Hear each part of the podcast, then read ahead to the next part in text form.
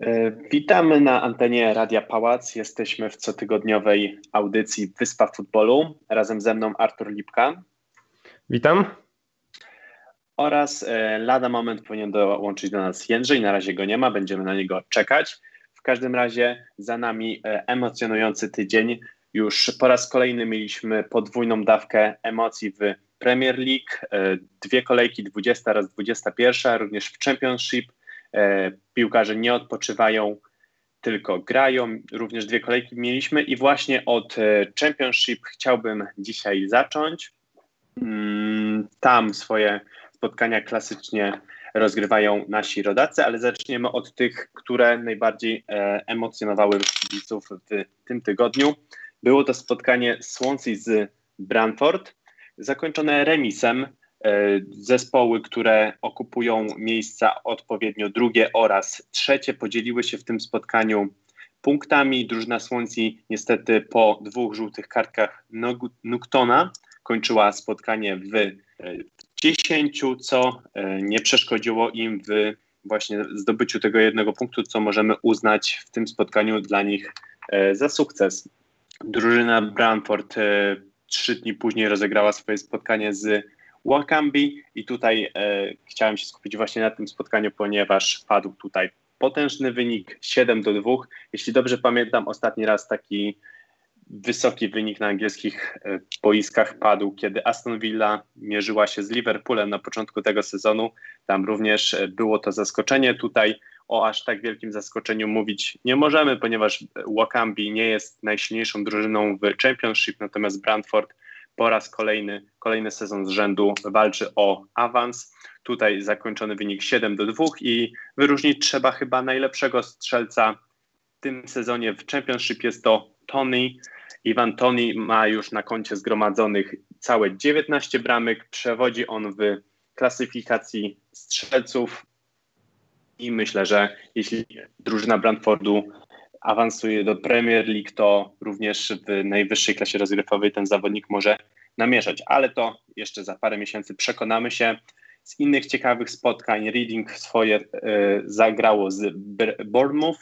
To jest e, spotkanie odpowiednio czwartego oraz szóstego zespołu. W tym spotkaniu padł wynik 3 do 1 na korzyść gospodarzy, czyli Reading i e, dzięki temu odskakują Bournemouth już na 6 punktów. Bournemouth jest na szóstej pozycji i e, na razie po piętach im depcze. Millsborough. To Millsborough, które spotkało się w ten weekend z Norwich City, a więc aktualnym liderem. W tym spotkaniu tak e, wiele się nie działo, jak chociażby w meczu Brentfordu. Tutaj e, piłkarze podzielili się punktami, wynik 0 do 0 po jednym punkciku dla każdego zespołu. Można powiedzieć e, jedynie o głupocie Błędigi, który zawodnik, który powinien e, kreować grę w zespole Kanarków, jednak w tym spotkaniu zamiast dwóch asyst lub dwóch bramek na swoje konto zapisał dwie żółte kartki, przez co wyleciał z boiska w 60 minucie, 67 minucie. W tym, e, w tym spotkaniu grał również oczywiście nasz rodak, a więc Przemysław Płacheta. Po 70 minutach trener postanowił go zmienić. Niczym e, specjalnym się w tym spotkaniu nie wyróżniał. Jeśli już mówimy o Polakach, to po raz kolejny, kolejny tydzień z rzędu w drużynie Barnsley e, pewnie gra Michał Helik, a więc to jest ten obrońca, który kiedyś trafił do jedenastki FA Cup. Jeśli dobrze to pamiętam, to była trzecia runda i od tamtego czasu bacznie mu się przyglądamy ten weekend rozegrał pełne 90 minut z Nottingham Forest e, na swoje konto. Przyjął również żółtą kartkę, jednak jego zespół zremisował 0-0 i e, na razie zajmuje, pewne 12, zajmuje pewną 12 pozycję z 36 punktami na koncie. Na sam koniec, jak o Championship, e, będziemy mówić o drużynie Derby County. Ta w weekend zmierzyła się z Bristol City. Udało się wygrać to spotkanie 1-0, jednak e, to, co chyba najważniejsze z tego meczu płynie, to paskudna kontuzja Kamila, e, Krystiana Bielika, przepraszam. W 36 minucie musiał on zejść przy pomocy medyków z boiska. Dzisiaj się potwierdziła niestety informacja, że Kamil Bielik po raz e, drugi już w swojej karierze zerwał więzadła krzyżowe, dokładnie tej samej dos, dokładnie tej samej kontuzji doznał prawie rok temu, pauzował przez 11 miesięcy, wrócił dopiero do gry w grudniu. Od tego czasu bardzo pewnie się prezentował, został nawet wybranym najlepszym piłkarzem derby w miesiącu właśnie grudniu. Wayne Runner chciał na niego stawiać, chciał na nim opierać swoją grę, jednak po raz kolejny Polak wypada i można powiedzieć, że z Euro 2020 może się już pożegnać, bo taka kontuzja jest leczona miesiącami później, również miesiącami zawodnik dochodzi do siebie po tej kontuzji.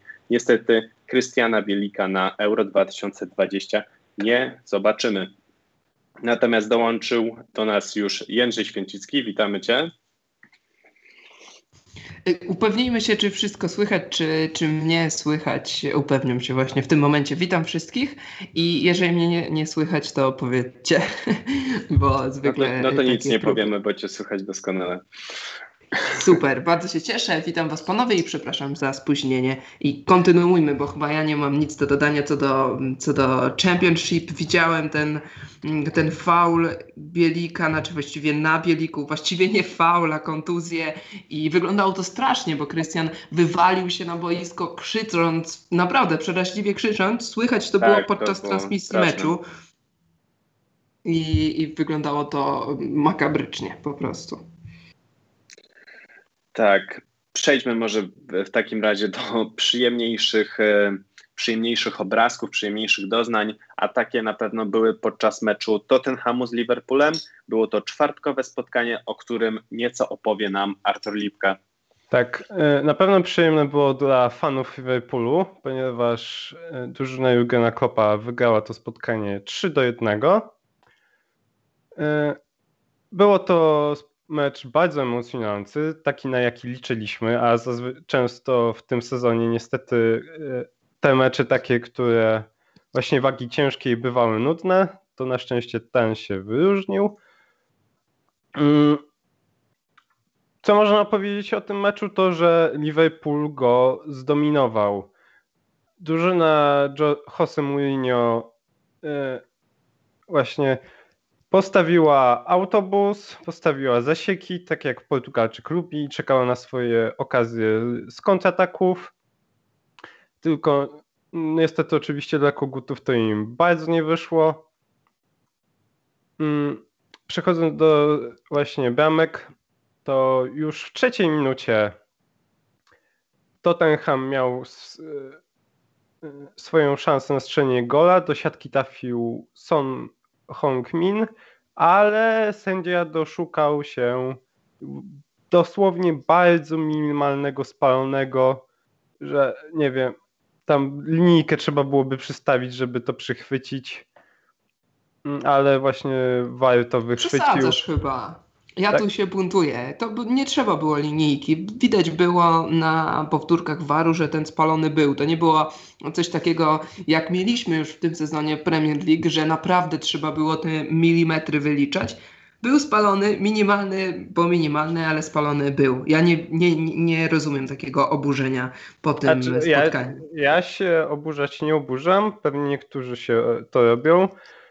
No ale tak, właśnie e, bo myślę, że to wszystko też zależy od perspektywy, z jakiej uje, z ujęcia, jakie widać, ale właśnie to, które ja widziałem, to e, tak, to co mówiłeś, spalony dało się wykazać. E, może przez, właśnie przesadziłem z Niką, ale myślę, że część widzów na pierwszy rzut oka takiego spalonego nie widziała. E, przechodząc dalej, potem gola na gola trzeba było czekać aż do dosłownie końcówki pierwszej połowy, kiedy do szatni trafił e, Roberto Firmino po podaniu e, Mane. Tutaj Brazylijczyk się e, lekko odblokował, ponieważ miał serię goli bez, znaczy, przepraszam, serię meczów bez gola dosyć długą, ale właśnie tutaj otworzył wynik spotkania. Potem już na, na początku drugiej połowy mm, Liverpool e, rzucił się do ataku i bramkę strzelił ten, Alexander Arnold.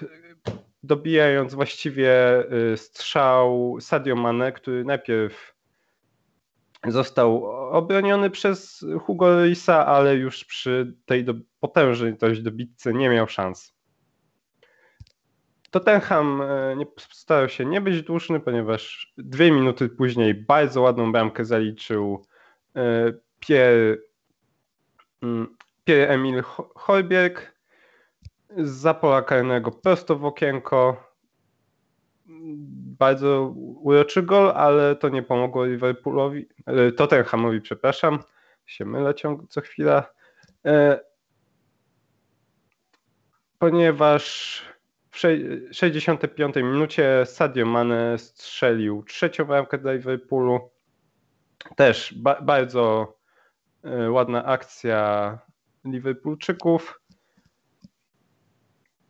Zakończyła golem. E, jeszcze e, z, z ciekawych uwagi sytuacji to nieco wcześniej Salah znaczy y, strzelił bramkę, ale sędzia y, wskazał na rękę y, Firmino, który uczestniczył w tej akcji, więc zostało to anulowane. I tak właściwie się zakończył ten mecz 3 do 1, jak wcześniej wspominałem. Nie, I taki tam... powrót trochę, prawda? Tak, i powrót, powrót Liverpoolu, który miał właśnie ostatnio ciężko, ale tutaj E, w końcu, jak to się mówi, coś przeskoczyło w głowach mm, i Liverpool wydawał się z powrotem tą drużyną, która sięgała po mistrzostwo w zeszłym sezonie. Ja się zgadzam w 100% z Tobą. To może nie brzmi jak jakaś, nie wiem, ocena eksperta, ale coś musiało w tych głowach przeskoczyć, bo skoro przez cały styczeń Liverpool nie mógł strzelić bramki i oddał, nie wiem, 80-90 strzałów, to była jakaś po prostu liczba niesamowita. Oni w każdym meczu strzelali, oddawali ponad 10-15 strzałów, z tego większość celnych i nie mogli tej bramki strzelić, no to znaczy, że tu gdzieś leżał problem w psychice. I o ile ja podchodzę zwykle do, do takich ekspertyz z dystansem, tutaj, tutaj się to sprawdziło. I na początku Liverpool co prawda przegrał z Manchesterem United, ale strzelił aż dwie bramki. No a teraz e, wygrał z Liverpoolem, więc tu się zgadzam, że, że taki aspekt psychologiczny miał znaczenie. Panowie, przerwę może trochę wiadomo. Tak, tak? Tak, chciałem tylko wtrącić, że też przyjemnie znowu się oglądało uśmiechniętego od ucha do, od ucha, do ucha Jurgena Kloppa. Były bardzo przyjemne obrazki, jak chociażby Mil, Milner chwilę po zejściu z boiska obserwował, jak jego koledzy zdobywają bramki, panowie się ściskali, więc widać, że ulżyło, ciśnienie trochę zeszło z szatni Liverpoolu i myślę, że będzie im na pewno się już e, przyjemnie patrzyło w przyszłość, jak już strzelili w końcu tą bramkę w tym roku w Premier League.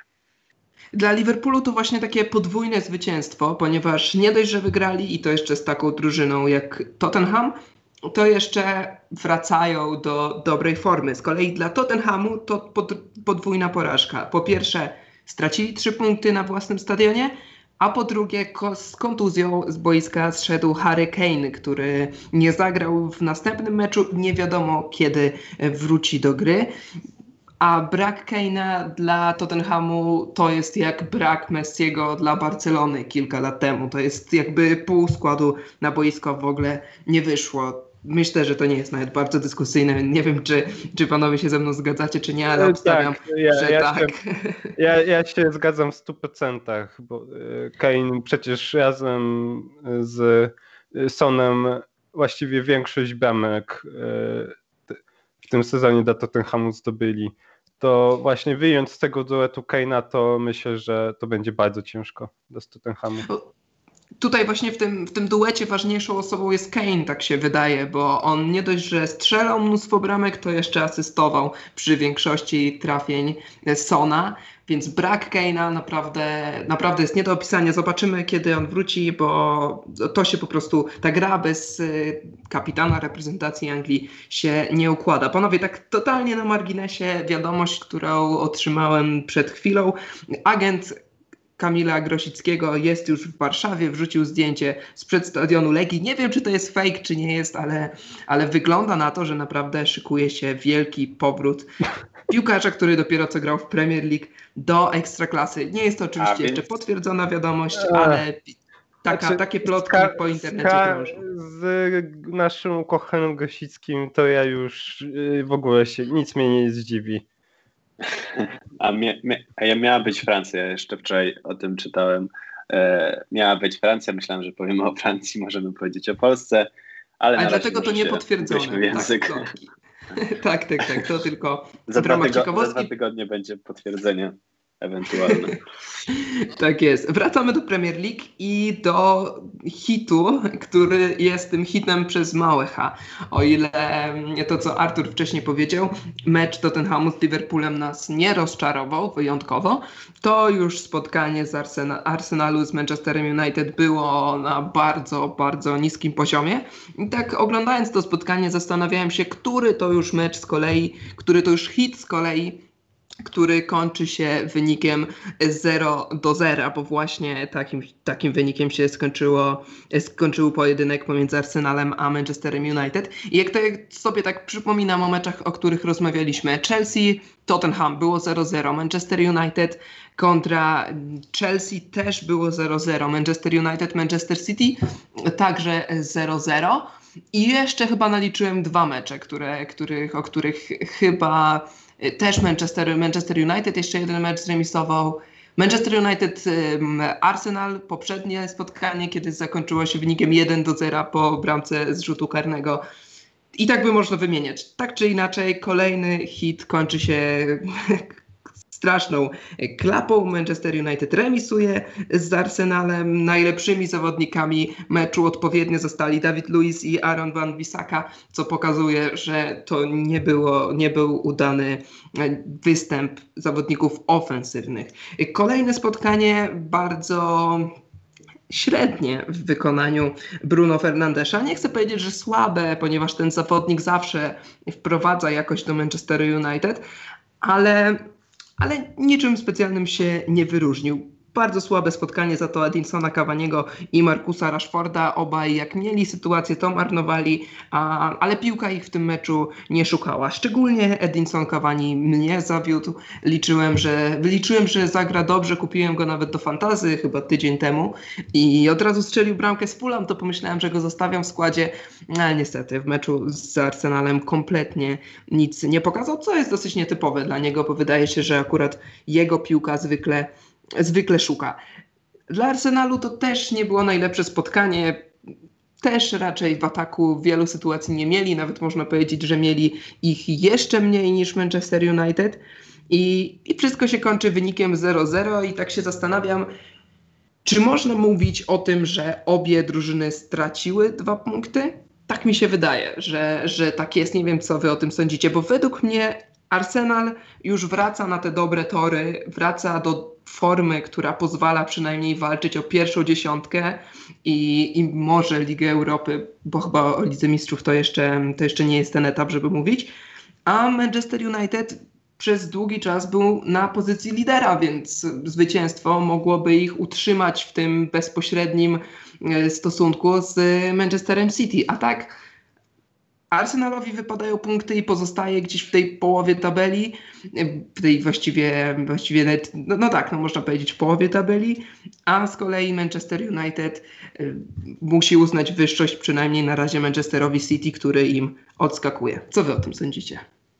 Właśnie jeśli miałbym oceniać, który to zespół stracił więcej na tym spotkaniu, to myślę, że delikatnie Czerwone Diaby, ponieważ y, tak stracili, stracili oni pozycję lidera, a przede wszystkim mają jeden mecz więcej rozegrany od City i, i trzy, trzy punkty straty, więc tak wirtualnie doliczając może to być już nawet sześć punktów, a jak wiemy, kiedy dru, drużyna Pepa Guardioli się rozpędzi, to bardzo ciężko im będzie wyrwać te punkty, więc gubienie właśnie dwóch oczek w spotkaniu z Arsenalem, który można było pokonać, trzeba było pokonać, może się okazać na koniec sezonu bolesne. Natomiast co do Arsenalu, chyba najciekawsze w tym meczu było pojawienie się Martina Odegarda, więc nowego, nowy nabytek drużyny z północy Londynu. Jest on wypożyczony do końca sezonu z drużyny Realu Madryt. Tam za wiele w tym sezonie nie pograł. Zbudował się delikatnie, chciał wypożyczenia, dostał wypożyczenie do drużyny Arsenalu i pytanie teraz, jak wkomponuje go w zespół e, e, Michael, Michael Arteta? Czy poświęci młodego Smith Rowa, który ostatnio grał naprawdę bardzo, bardzo obiecująco i e, w jego pozycję wstawi Norwega, czy poszuka jakichś alternatyw dla obydwu młodych graczy? Nie wiem, ja trochę boję się, że może to być zastopowanie trochę rozwoju Smith Rowa, natomiast patrząc na to, jak sezon jak jest długi, że gra się co trzy mecze, nawet e, takie, nawet e, tak dobre wzmocnienie jak Odegaard będzie na pewno wartością dodaną. Smith Rowe być może trochę będzie grał mniej, natomiast Odegaard może odegrać ważną rolę w zespole Mikela Artety. Tak. To Smith Rowe to jest...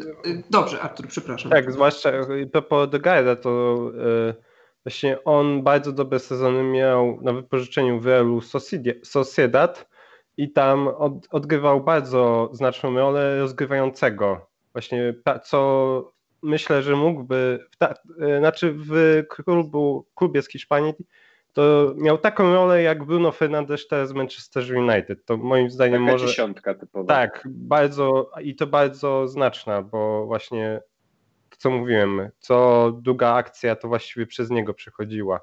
Więc e, no może bardzo pomóc y, Arsenalowi, jeśli chodzi o rozgrywanie piłki.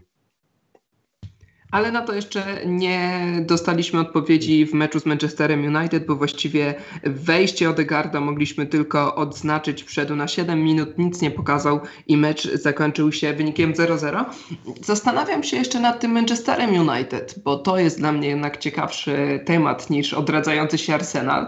E, przepraszam wszystkich kibiców Arsenalu, mm, bo Kolejny mecz z czołówką, kiedy Manchester United wychodzi właściwie bez jakichś wielkich intencji do atakowania przeciwnika, bez prób do strzelania bramki. Wiadomo, mieli kilka sytuacji, ale, ale nie byli tak zadziorną drużyną, jak chociażby w meczach z West Hamem dwa miesiące temu, czy, czy tam miesiąc temu, kiedy przegrywali i dali radę e, to odrobić słabo to wyglądało w środku pola. Fernandez był bardziej cofnięty. Czy myślicie, że tak na sam koniec omawiania tego meczu, czy myślicie, że Ole Gunnar Solskjaer ma po prostu taki plan, żeby, żeby te mecze z czołówką, żeby w meczach z czołówką nie przegrywać i nadrabiać meczami ze słabszymi, ze, ze słabszymi e, drużynami? Czy w, tej, w takiej taktyce jest, jest jakiś sposób? Bo tak mi to wygląda, bo te mecze z Manchesterem e, City czy z Chelsea, czy z Arsenalem wyglądały właściwie identyczne, więc mamy cztery tak. identyczne spotkania. Tak, jeszcze przecież dopiero co e, parę meczy, parę kolejek temu zamisowali z Liverpoolem 0-0, tylko że znaczy, e, to by wyglądało może nawet jako solidny plan, gdyby nie to, że do Y, Manchester United dopiero co na przykład przegrał z takim y, ostatnim Sheffield. To y, po tym powinni mieć moim zdaniem taką tą sportową złość, żeby po prostu te punkty nadrobić. Bo Zwłaszcza, że przecież w drużynie Arsenalu nie było Pierre-Emerick'a Aubameyanga, więc takiego zawodnika numer jeden, a na obronie nie było Kierana Tierney'a, jeżeli jeżeli dobrze pamiętam, tak patrzę na składy, rzeczywiście go nie było. I, i można było ten Arsenal przycisnąć, bo Arsenal był jednak mocno osłabiony, a United wyszło w pierwszym składzie. No nie wiem, nie, nie odpowiemy na to pytanie, jak dobrze powiedziałeś, jeszcze Liverpool był, więc to właściwie cztery identyczne mecze, trzy punkty w sumie w nich zdobyte Zobaczymy, zobaczymy jak to dalej będzie wyglądało. Ja jednak chyba tak uważam, że tych czołowych drużyn jest za dużo, żeby odpuszczać mecze z nimi, znaczy żeby się skupiać tylko na jednym punkcie i że mistrzostwo zdobędzie drużyna, która z, z, tymi drużynami najlepszymi umie grać. Wiemy, że w tym sezonie tych drużyn jest mało, bo City raz wygrywa, raz przegrywa, to samo Liverpool, właściwie każdy zespół w tym sezonie ma gorsze momenty ale jednak to, że United nie wygrał z żadną z czołowych drużyn, wskazuje nam na to, że, że coś, jest, coś jest nie tak. Lećmy dalej, bo ten mecz był wyjątkowo nudny, a, a się rozgadaliśmy. Mm, ciekawie było natomiast w spotkaniu Southampton z Aston Villą. E, na St. Mary Stadium e, drużyna Dina Smitha przyjeżdżała po porażce, którą odnieśli w środę z Burnley 3 do 2. Było to niezwykle ekscytujące spotkanie, e, którego myślę, że się nie spodziewaliśmy. Natomiast przyjeżdżali do drużyny, która również odniosła swoją odniosła porażkę w poprzedniej kolejce, a więc drużyna Southampton przegrała z Arsenalem, więc tym spotkaniu była walka o trzy punkty. Nie, drużyny nie grały zachowawczo, tak jak e, Arsenal czy Manchester United. Oba zespoły chciały zdobyć komplet trzech punktów. Co się wyróżniało w drużynie Southampton? Na pewno na nietypowej pozycji grał dla siebie Jamie Ward-Prowse. E, jesteśmy przyzwyczajeni, że kapitana świętych oglądamy w centralnej części boiska. Tutaj niestety z konieczności, ponieważ Walker Peters wypadł na parę tygodni, Tutaj z konieczności musiał zagrać właśnie kapitan świętych. Grali oni w takim e, ustawieniu 3-5-2, więc można powiedzieć, że e, w roli wahadłowego był bardziej kapitan i z, spisywał się nie najgorzej i ta jego technika na prawej stronie na pewno pomagała. Co ciekawego w tym spotkaniu, w pierwszej połowie na pewno bardzo kontrowersyjna była sytuacja z ręką Matiego Kesha. W polu karnym po bardzo ładnym obróceniu się z piłką Dany Ings podaje do Armstronga. Ten uderza zdecydowanie w światło bramki. Tam ta piłka spotyka się z ręką Matiego Kesha, która ta ręka nie była przy ciele. Ona była jakieś dobre 20-30 centymetrów od ciała e, odstawiona, można powiedzieć. I e, ewidentnie poszerzał obrys. E, tą sytuacją zajął się VAR nie, sędziowie nie zdecydowali się podyktować rzutu karnego. Szczerze mówiąc, nie mam pojęcia dlaczego. Jeśli panowie wy wiecie coś więcej, to proszę mi powiedzieć, bo dzisiaj jak oglądałem to na powtórkach, to złapałem się za głowę, czemu tam nie było rzutu karnego.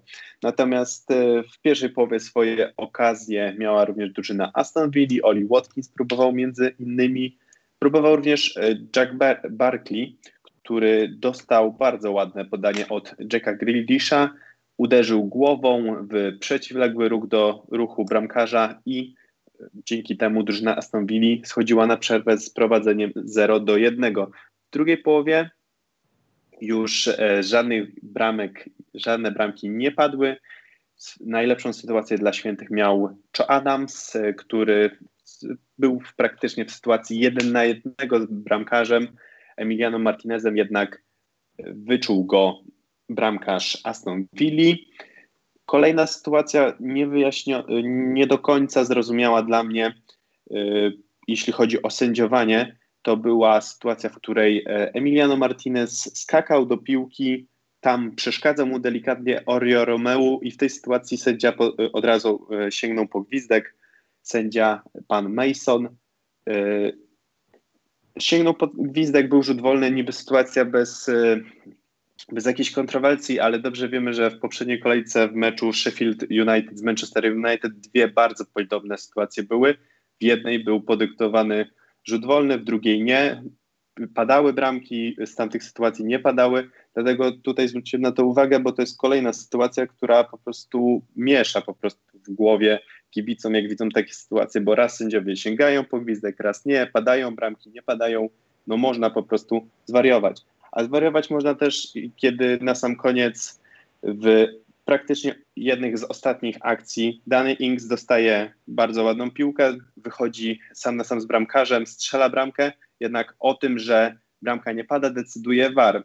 Nie dziwi nas to, oczywiście w, w tym sezonie jest dużo takich sytuacji, jednak przy ocenie tej właśnie pozycji spalonej e, decydowały panowie rękawek danego Inksa oraz pośladki Maginiego. Więc po prostu nietypowa sytuacja, której byśmy się nie doczekali jeszcze 5 lat temu, kiedy technologii VAR nie było. Tutaj natomiast mamy teraz takie ekscesy, że y, y, różne części ciała decydują o tym, czy bramka jest, czy drużyna Southampton mogła zremisować to spotkanie, czy nie. Ostatecznie drużyna Dina Smitha wywozi trzy punkty z St. Mary's Stadium. Dzięki temu aktualnie znajdują się na dziewiątej pozycji. Southampton okupuje pozycję numer 11.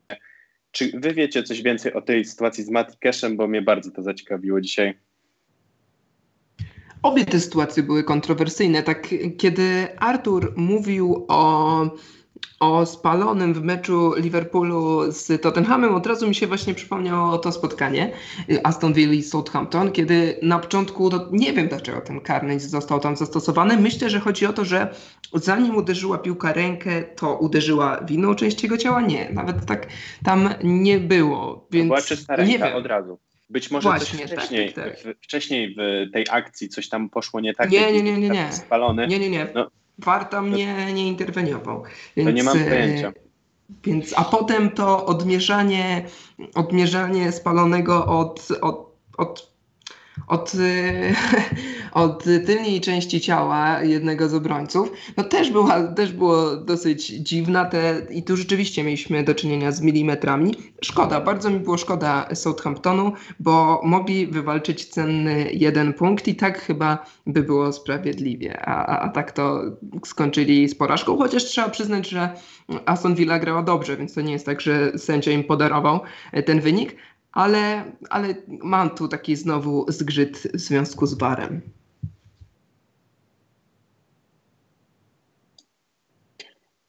Tak. Y, myślę, że o tym spotkaniu wszystko zostało powiedziane. Jak zwykle na VAR y, można ponarzekać, można się z tego pośmiać. Natomiast y, czy do śmiechu, a przynajmniej czy powody do uśmiechu mają kibice Chelsea? Myślę, że Jędrzej będzie chciał nam o tym powiedzieć. Czy taki uśmiech mały się pojawia, ale, ale ta transformacja z drużyny od, od, od tej Lamparda do tej Tuchela cały czas jeszcze trwa i o tym mogą świadczyć oba mecze, które Chelsea rozegrała pod wodzą Tomasa Tuchela.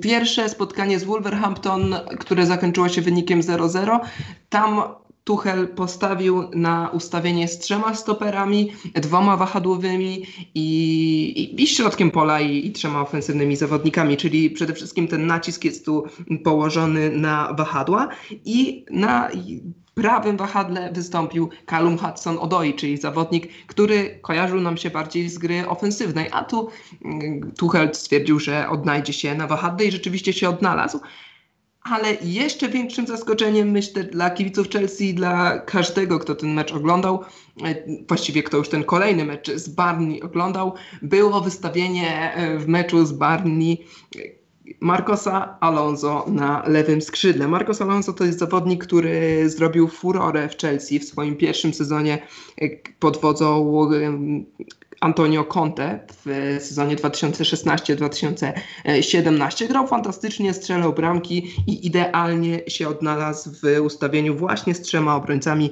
i z wahadłowymi.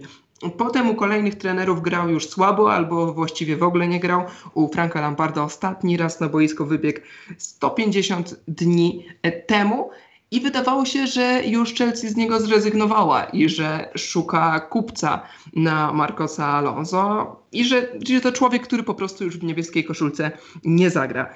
Tymczasem po, tak jak powiedziałem, 150 dniach Marcos Alonso wraca do pierwszego składu w meczu z Barney. Chelsea gra bardzo dobrą piłkę. Najlepszym zawodnikiem meczu zostaje Callum Hudson-Odoi, który gra na, gra, gra na wahadle, a bramkę najładniejszą w tym meczu strzela Marcos Alonso. Więc oba te rozwiązania, na które postawił Tuchel i na które nie stawiał Frank Lampard, ponieważ Frank Lampard w ogóle na Alonso nie stawiał, a z kolei, e, a z kolei Kaluma Hudsona jego zwykle sadzą na ławce rezerwowych. Tutaj przynoszą efekty i Chelsea wygrywa 2-0 i, i co tu można powiedzieć? Cały czas ta transformacja e, trwa i efekty pracy Tuchela będziemy oceniać, myślę, że najwcześniej za miesiąc, ale te dwa czyste konta, cztery punkty zdobyte w dwóch meczach po, po naprawdę fatalnej serii porażek i remisów mogą być takim małym pozytywem dla kibiców Chelsea. Prawdziwy sprawdzian już w czwartek, kiedy Chelsea pojedzie na London Stadium i zagra, przepraszam, na Tottenham Hotspur Stadium i zagra właśnie z Tottenhamem wtedy ocenimy. Myślę, że znowu możemy doczekać się ciekawego składu, bo Tuchel jest jeszcze na etapie takiego ciągłego rozwoju. Tak jak jeszcze patrzę na, na skład Chelsea, jak sobie go przypominam i ten mecz, to warto zwrócić uwagę na bardzo dobrą grę Kowacicia i Jorginho, czyli dwóch zawodników, na których trochę zwalaliśmy słabą grę Chelsea pod wodzą Franka Lamparda. Tutaj totalna odmiana, to oni tu Chelsea napędzają. Minusem z kolei może być gra napastników. W meczu z Wolverhampton zagrał e, Giroud, w meczu z Barnley zagrał Tammy Abraham i obu można ocenić na taką słabą jedynkę na 10, bo naprawdę obaj nic nie grali absolutnie, nawet ich na tym boisku nie było widać, a jak było widać to tylko dlatego, że komuś się wcięli w akcję albo podali niedokładnie. Jednak tak jak powiedziałem, na jakąś taką większą ocenę wstrzymajmy się do czwartku, kiedy Chelsea zagra z Tottenhamem, bo jednak mecze z takimi rywalami jak Wolverhampton czy szczególnie Barney no to, to, to, to, nie jest żaden wyznatnik, nawet biorąc pod uwagę to, że Barney pokonał Aston Villa i Liverpool. Tyle myślę, jeśli chodzi o spotkania Chelsea. Nie wiem, czy panowie macie jeszcze coś do dorzucenia. Myślę, że z ekspertem Chelsea się nie dyskutuje. Ja szczerze mówiąc e, też czekam na ten czwartkowe spotkanie, ponieważ tutaj właśnie będzie nowa myśl szkoleniowa. Chelsea mogła się zmierzyć właśnie z Tottenhamem, który jak już dzisiaj powiedzieliśmy ma, jak, ma problemy z tym, że Hurricane nie wystąpi. Też e, będziemy mogli ocenić nowy plan na grę Jose Mourinho, a więc ciekawe, ciekawie zapowiada się to spotkanie zdecydowanie.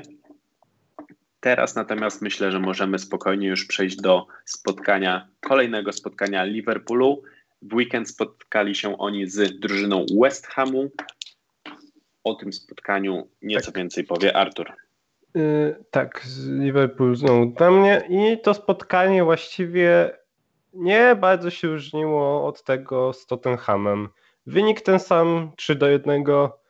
Obraz spotkania też podobny, przewagę Liverpoolu, yy, duża kopa dominowała, ale w przeciwieństwie do Tottenhamu West Ham sprawiał jednak trochę więcej trudności. Y, trochę częściej, ma, takie mam wrażenie, można było ich zobaczyć pod y, bramką przeciwników, tylko że no, no nie uratowało ich to zbytnio. Pierwsza połowa właściwie można pominąć, tam dosłownie chyba nic się nie działo, poza przeciąganiem liny. Mm, nawet żółtej kartki sędzia żadnej nie wystawił, dosłownie pustka. Wszystko co ciekawe właśnie w drugiej części spotkania. Tam w, y, strzelenie zaczął Mosalach w 57 minucie. Potem y, y, zgarnął dublet w 68. Tutaj asystował mu y, Sheridan Shakiri, którego tak za często to nie widujemy chyba jednak na boisku, zwłaszcza w podstawowym składzie Liverpoolu. Mm, tutaj akurat ja pamiętałem go jako bardzo dobrego zawodnika, zwłaszcza z reprezentacji, z meczów reprezentacji Szwajcarii, a ostatnio jednak na dalszym planie. Właściwie już od dłuższego czasu. E, natomiast wracając do meczu, w 84 minucie e, trzecią bramkę Liverpoolu strzelił e, Wijnaldum po asyście Filmino a West Ham honorowe trafienie zaliczył po rzucie rocznym, kiedy to do bramki e, strzelił nieupilnowany Dawson. E, Craig Dawson konkretnie, obrońca. I właściwie to też by byłoby na tyle. Mm, właśnie no to, to, co mówiliśmy, że po spotkaniu z Tottenhamem kibice mogli być zadowoleni, że to znowu ta drużyna, to tutaj dostali tego potwierdzenie, że Liverpool wychodzi z dołka. Zwłaszcza, że West Ham w ostatnich meczach grał bardzo dobrze i mógł się podobać. W tym spotkaniu też widać było, że że jest to mocna drużyna, ale po prostu mm, Liverpool zagrał dobrze, a asysta tak. Shakirego przy bramce Salaha po prostu pokazała, że Liverpool wraca do, po prostu wraca do dobrej formy. Tak. Ja chciałem tylko jeszcze tak dodać, patrząc na tabelę, że bardzo ciekawe czasy e, nastały, skoro najlepszą drużyną z Londynu aktualnie właśnie jest drużyna prowadzona przez Davida Moisa. Mają co prawda jeden mecz więcej od e, Tottenhamu, natomiast nie można im odebrać tego, że są najlepszą aktualnie londyńską, zes londyńskim zespołem. Tak, zwłaszcza, że też ostatnie cztery spotkania, yy, włączając to z Liverpoolem, to cztery zwycięstwa były. Więc e, naprawdę moim zdaniem bardzo duże zaskoczenie jednak. Zwłaszcza, że to pod, byli pod wodzą Moisa, którego jak wiadomo cały świat się śmiał właściwie w ostatnich latach. Wydawało się, że on już nic nie wprowadzi do tej drużyny, że to będzie tylko taki klub, który kopie piłkę do przodu i liczy, że ktoś tam wciśnie bramkę wciśnie piłkę do siatki, a okazało się, że Moy stworzył taką nowoczesną, bazującą na młodych zawodnikach i też przy okazji na doświadczeniu drużynę. Ale wydaje się jednak, że ta ławka jest za krótka, ta jakość piłkarzy jednak nie jest taka jak innych drużyn, jak Chelsea, Tottenhamu, Leicester, czy, czy nawet Evertonu, czy Aston Villa, więc, więc tak. ten mecz pokazał po prostu, że do czołówki daleko, ale mimo wszystko mm, West Ham trzeba chwalić i, i naprawdę ich, ich gra może się podobać. Tak, też się z tym zgadzam. Tutaj myślę, że już moglibyśmy przejść do kolejnego meczu. Tak, e, przechodzimy do kolejnego meczu, a ja w nim z wielką chęcią powiem o Manchesterze City, który trzeba przyznać, że aktualnie w Premier League ma najlepszą formę. Krótko o meczu z Sheffield. E, krótko, ponieważ było to typowe spotkanie pierwszego zespołu z ostatnim. Typowy może być nie, e, typowy jedynie może nie być wynik, ponieważ tylko 1-0 wygrała drużyna Pepa Guardioli w dziewiątej minucie. To zwycięstwo The Citizens dał Gabriel Jesus. Później swoje okazje oczywiście jakieś e, piłkarze Manchesteru City mieli. Zichczenko próbował z dystansu. Gabriel Jesus na koniec spotkania mógł strzelić dublet, jednak trafił w bramkarza, który dobrze był dysponowany w tym spotkaniu. Bramkę wyrównującą mogło zdobyć Sheffield. John Fleck y, po, popisał się bardzo ładnym strzałem z woleja. Ta niestety y, ten strzał jednak minął o 20 cm, 30 może słupek e, bramki strzeżonej przez, e, przez bramkarza City. Natomiast co chciałem powiedzieć, e, jeśli właśnie jesteśmy już przy tej drużynie, nie można pominąć tego, że City jest w fenomenalnej formie. Ostatnią porażkę odnieśli oni z drużyną Tottenhamu. Było to już ponad dwa miesiące temu, dokładnie 21 listopada. Wtedy w tym spotkaniu na listy strzelców wpisał się Son oraz Lo Celso jeśli dobrze pamiętam, y, źle wtedy mówiliśmy o drużynie Manchesteru City, że gra nudny futbol, że nie mają pomysłu na tą grę i tak właśnie do, do y, połowy sezonu wyglądała drużyna Manchesteru City. Mało naprawdę było tej ofensywnej jakości jak na drużynę Pepa Guardioli, natomiast od tamtego spotkania bardzo dużo się zmieniło. Drużyna y, City odniosła 16 zwycięstw, również notując przy tym 3 remisy, a więc 19 już spotkań bez porażki, a co najważniejsze, 15 czystych kąt zaliczonych w tym okresie czasu, co pokazuje, że po prostu w tym sezonie drużyna Manchesteru City nie bazuje tylko na ofensywie, jednak Pep Guardiola postanowił zabezpieczyć również tyły. Dużo daje przyjście Rubena Diasza, który e, z Johnem Stonesem stworzył świetną, świetny duet stoperów.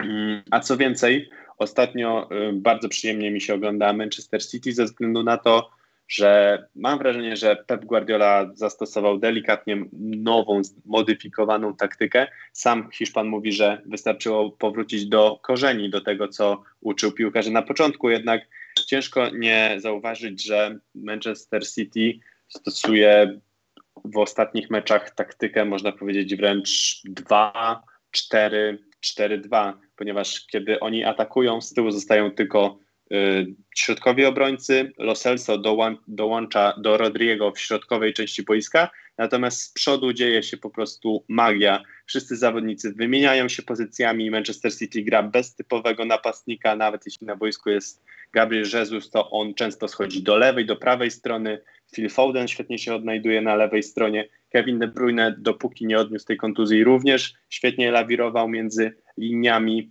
nie można zapominać o Gindoganie, który ostatnio strzela jak na zawołanie. Naprawdę ta drużyna w ostatnim czasie notuje fantastyczną serię i też bardzo, bardzo przyjemnie się ogląda. Jest to Manchester City, który pamiętamy z sezonu 18-19, kiedy to do ostatnich e, kolejek e, walczyli oni z Liverpoolem o miano najlepszego zespołu. Wtedy e, chyba, jeśli dobrze pamiętam, 99 punktów zdobyli, więc była to fantastyczna maszyna. W tym sezonie tyle punktów na pewno już nie zdobędą, jednak nie można im odebrać tego, że w tym momencie są bardzo groźni i e, jeśli oni się już rozpędzą, to może być ich ciężko złapać. Jedynym chyba tak silnym zespołem, który może nadążyć za tym tempem będzie drużyna Liverpoolu. Mm, o tym, o tym się przekonamy za tydzień, prawda? O tym się przekonamy za tydzień, bo za tydzień Manchester City zagra z mm, Liverpoolem. Będzie to mecz absolutnie na szczycie. I jeżeli podopieczni Pepa Guardioli wygrają, to staną się naprawdę takim, może nie murowanym, bo wiemy, jaki mamy zwariowany sezon, ale głównym kandydatem do, do mistrzostwa, tak mi się wydaje. Tak, racja. To spotkanie pokaże nam, jak aktualnie siły się rozkładają właśnie w Premier League. No, Gwiezdne Wojny można powiedzieć, e, spotkanie na najwyższym poziomie, już się nie mogę doczekać. Nie wiem, czy coś jeszcze więcej chcemy powiedzieć o drużynie Pepa Guardioli. Pewnie powiemy na pewno więcej za tydzień, właśnie już jak będziemy po tym spotkaniu. Z ciekawszych spotkań było również e, zaskakujące spotkanie Tottenhamu z Brighton. O jego wyniku, o jego przebiegu na pewno coś powie Jędrzej. Zaczęliśmy audycję od minusów Tottenhamu i od problemów też jednocześnie, ponieważ ta, tak jak mówiłem, strata punktów i strata Harego Kane'a to, to jest duży problem dla Tottenhamu. I problemem też, y, i, i, właśnie mogliśmy się zastanawiać po tym meczu z Liverpoolem, jak brak kapitana reprezentacji Anglii wpłynie na grę Tottenhamu. I, I dostaliśmy odpowiedź w meczu z Brighton, w meczu z drużyną, która to wprost mówiąc, bije się raczej o utrzymanie niż o cokolwiek więcej. A no, no właśnie, a ten mecz pokazał nam, że Tottenham bez Harry'ego Kane'a jest dużo, dużo gorszy. To był chyba najgorszy mecz Tottenhamu w ogóle w tym sezonie. Nie chodziła im piłka, nie, właściwie nie mieli żadnych poważnych sytuacji i trudno jakichkolwiek pozytywów doszukiwać się w ich grze. Naprawdę wyglądało to jeszcze gorzej niż w meczu z Liverpoolem. W meczu z Liverpoolem strzelili bramkę, grali jednak z bardzo solidną drużyną, której w tym meczu dużo wychodziło, popełnili kilka błędów indywidualnych i dlatego przegrali. Z Brighton zupełnie co innego. Nie mieli ani zaangażowania, ani pomysłu, ani, ani taktyki. No trudno, trudno powiedzieć, jak chcieli w tym spotkaniu zagrać. Jeżeli mieli jakiś plan, no to ten plan na pewno nie wyszedł. Tacy zawodnicy jak Bergwijn czy Bale byli kompletnie niewidoczni i, i jeżeli to właśnie on oni mieli jakoś zastąpić Harry'ego Kane'a, no to za bardzo im nie wyszło. Brighton z kolei bardzo dobrze zaczęło ten mecz i to ustawiło właściwie cały pojedynek. Już w 17 minucie fantastyczną akcję, naprawdę powiem to z ręką na sercu, fantastyczną akcję przeprowadzili piłkarze Grahama Pottera. Pascal Gross asystował, bramkę strzelił e, Leonardo Trossard i mecz się ustawił pod Brighton. Brighton potem grał naprawdę mm, solidną piłkę, nie dopuszczali Tottenhamu za często pod swoją bramkę. W sumie Tottenham oddał tylko 4 strzały celne i tylko 8 strzałów ogółem, czyli dwa razy mniej niż Brighton. Prędzej Brighton by tu strzeliło e, bramkę niż Tottenham. Naprawdę Tottenham był, był bardzo słaby i, i żadnych pozytywów dla kibiców Tottenhamu po tym meczu nie mam co może trochę potęgować emocje przed derbami Londynu, bo wiemy, że Chelsea nie jest w formie, wiemy, że Chelsea przegrała wiele meczów w ostatnim miesiącu. Więc mamy, mamy spotkanie dwóch drużyn, które mają coś do udowodnienia, dwóch drużyn, które są w dołku. I poza tym mamy spotkanie Jose Mourinho z Tomasem Tuchelem, dlatego ten mecz z Brighton y, może pokazywać Chelsea jak grać i może nam dawać taki znak, że że ten mecz z Chelsea będzie wyrównany. Mówię o tym dlatego, że gdybyśmy o tym meczu rozmawiali dwa tygodnie temu, to chyba murowanym kandydatem do zwycięstwa by był Tottenham. A teraz po spotkaniach z Liverpoolem i z Brighton już i przede wszystkim po kontuzji Harry'ego Kane'a już tego powiedzieć nie możemy. Tym chyba zamykamy te nasze szczegółowe omówienie meczów, ale Danielu powiedz, co działo się w innych spotkaniach Premier League ostatniej kolejki. Tak, e, jak zwykle nie brakowało spotkań, nie brakowało emocji. E, w, również w spotkaniu Evertonu z Newcastle. Tutaj w tym spotkaniu e, nie będę się rozwodził, po prostu drużyna Newcastle wygrała to spotkanie 0 do 2, a więc cenne zdobyte 3 punkty na wyjeździe, które w ostatecznej walce o utrzymanie bardzo mogą im się przydać. Tutaj w tym spotkaniu dubletem podpisał się Callum Wilson, a więc zdecydowanie gwiazda Newcastle. Dzięki temu właśnie Sroki odnoszą zwycięstwo nad drużyną Carlo Ancelottiego. Swoje spotkanie rozegrało również Crystal Palace. Zmierzyli się oni z Wolves e, Nure Spirito Santo. Tutaj zwycięstwo gospodarze. Jedyną bramką w tym spotkaniu popisał się Ece, Ece po e, asyście Aju. I tak jak powiedziałem, 1 do 0 zakończyło się to spotkanie. West Brom zmierzył się natomiast z Fulham, a więc drużyny, które znajdują się w strefie spadkowej. Różnica punktów między nimi przed tym spotkaniem wynosiła równo dwa oczka i po tym spotkaniu nic się nie zmieniło, ponieważ oba zespoły podzieliły się punktami, strzeliły po dwie bramki, przez co można powiedzieć, że żadnej drużynie to wiele nie daje, ponieważ do bezpiecznego 17 miejsca nadal brakuje im odpowiednio 7 oraz 9 oczek. Może być ciężko e, gromadzić te punkty, o ile zdecydowanej zniżki formy nie będzie miało Barney lub Brighton, przez co właśnie te dwa zespoły oraz Sheffield aktualnie są najpoważniejszy, najpoważniejszymi kandydatami do spadku. Małym hitem można było nazwać spotkanie Leicester z Leeds. E, jak wiemy, Leeds, e, drużyna Marcelo Bielcy, zawsze bardzo przyjemna do oglądania. Leicester bardzo solidne w tym sezonie, walczące o najwyższe cele. Jednak w tym spotkaniu powinęła im się noga, mimo dobrze zaczętego spotkania, ponieważ w 13 minucie Harvey Barnes strzelił, strzelił bramkę, to już po dwóch minutach y, odpowiada Leeds, bramka Dallasa. To spotkanie, y, to spotkanie do przerwy właśnie 1 do 1 się zakończyło. W 21 minucie na boisku pojawił się Mateusz Klikza Rodiego. Wydaje mi się, że tam musiała być kontuzja Hiszpana. Natomiast w drugiej połowie swoją bramkę kolejną już w tym sezonie strzela Patrick Bamford, natomiast w 84 minucie dołożył trzecie trafienie Harrison, dzięki czemu drużyna Marcelo Bielsy wygrywa to spotkanie. Aktualnie na pozycji 12 znajduje się ten zespół i chyba tak już do końca sezonu będzie, że ona będzie lawirowała między 10 a 14 pozycją. Niestety chyba na więcej ich w tym sezonie nie stać. Natomiast na co stać zespoły w nadchodzących kolejkach, myślę, że powie nam Artur.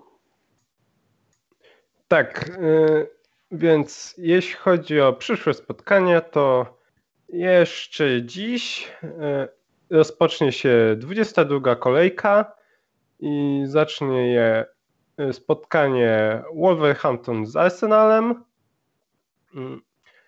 Potem dwie godziny później e, o 21.15 Manchester United podają u siebie Southampton. Zaś e, jutro Burnley kontra Manchester City o 19, a najciekawszym spotkaniem tej kolejki myślę będzie Tottenham z Chelsea właśnie, o którym wspominaliście. To będzie ten hit zamknie kolejkę. 23 kolejka będzie ostatnią, która przynajmniej na razie, która właśnie zgrywa się w tym samym tygodniu, co. Hmm, w sensie chodzi mi, że dwie kolejki na raz w tym tygodniu to dobrze, bez żadnego już przedłużenia. 23 kolejkę zacznie mecz Aston Villa z Arsenalem. Potem hmm, ciekawym spotkaniem będzie mecz Manchester United z Evertonem. To w oba mecz, te mecze w sobotę. Zaś w niedzielę yy, zacznie, dzień zacznie Tottenham z West Bromem. Potem bardzo ciekawe spotkanie na pewno Liverpool, Manchester City, kolejny potężny hit. Mam nadzieję, że się nie rozczarujemy. No i dzień nam skończy mm, spotkanie Sheffield United z Chelsea i myślę, że to dość proste będzie dla y, The Blues, chociaż jak Manchester United się ostatnio przekonał, może nie aż tak. Tutaj część spotkań pominąłem, może w zbytnim pośpiechu, bo jeszcze czasu mamy. No, czy myślę, że dobrze, że skupiłeś się na tych najważniejszych tak. spotkaniach. Jeśli coś się ciekawego wydarzy, na pewno o tym wspomnimy. Zdecydowanie dwa, y, naj, naj, najciekawiej będzie w meczu Liverpoolu z, z City oraz Tottenhamu z Chelsea. Dwa duże sprawdziany dla y, właśnie wspomnianych ekip. Natomiast dzisiaj myślę, że to już będzie wszystko. Dziękuję bardzo za udział w audycji właśnie przed chwilą wspomnianemu Arturowi. Dziękuję bardzo. Był z nami również Jędrzej Święcicki. Dzięki. Ja tak na koniec chciałem jeszcze wspomnieć, że się rozkręcamy w tym miesiącu i że za dwa tygodnie wraca do nas Liga Mistrzów, w których cały czas grają, grają trzy drużyny z Anglii. Będzie też Liga Europy, więc będzie tego dużo. Zostańcie z nami. Będzie mnóstwo emocji. Ja również chciałbym Was jeszcze zaprosić na nasze social media. Mamy stronę internetową, na Facebooka, na Instagrama, również nasz, naszą audycję w formie podcastu możecie posłuchać na Spotify. Naszą audycję natomiast realizuje jak co tydzień Krzysztof Olesiewicz, któremu serdecznie dziękujemy. Słyszymy się w następnej audycji za tydzień. Dzięki.